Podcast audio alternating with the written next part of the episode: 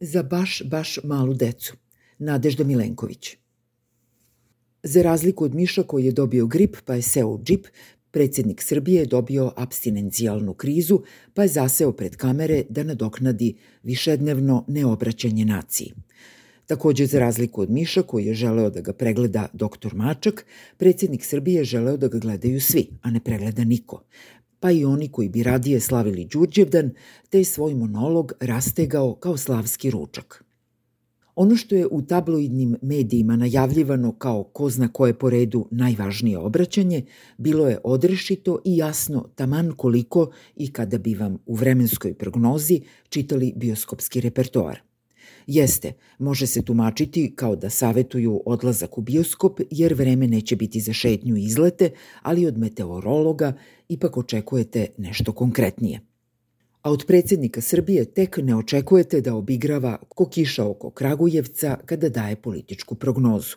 Tim pre što svi znaju da postoji samo jedna tema, a to nije uvođenje obaveznog vojnog roka, mada kao i bioskopski repertoar u vremenskoj prognozi i to može da posluži kao nagoveštaj.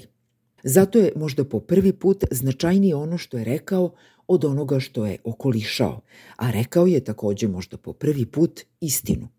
Šta ćete, omakne se čoveku, naročito kad toliko priča sve i svašta. I ne samo da je rekao istinu, rekao je istinu koju je deset godina čuvao kao najveću državnu tajnu.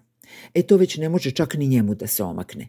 A ta istina koju dobromisleći ljudi odavno bezuspešno pokušavaju da dobace do medija sa nacionalnom frekvencijom, glasi Evropska unija, a ne Kina i Rusija ulaže najviše novca u Srbiju. I Evropska unija daje povoljne kredite, Kina i Rusija nepovoljne, Evropska unija daje i bespovratnu novčanu pomoć, Kina i Rusija jok. Pa zašto je to do sada taj od nas? zato što Evropska unija daje novac povoljno, ali traži precizan i istinit izveštaj o njegovom trošenju. A kako onda pošten čovek da krade?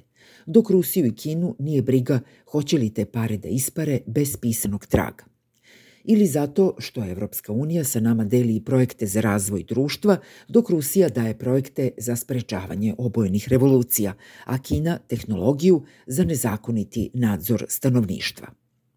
Ili možda i zato što je pričajući nam bajke o nesebičnom prijateljstvu, poluzagrljajima i družbi, želeo da nam omili nedemokratske režime kakav je i ovaj naš domaći, a ogadi demokratske, kakav ovaj naš nikada ne sme da postane da bi se sad u svom navodnom izveštaju o navodnom stanju nacije navodno iščuđavao nad proruskim stavom navodnog javnog mnjenja, dok se u sebi misli ko doktor Mačak – Sa moje tačke gledišta nije vam ništa.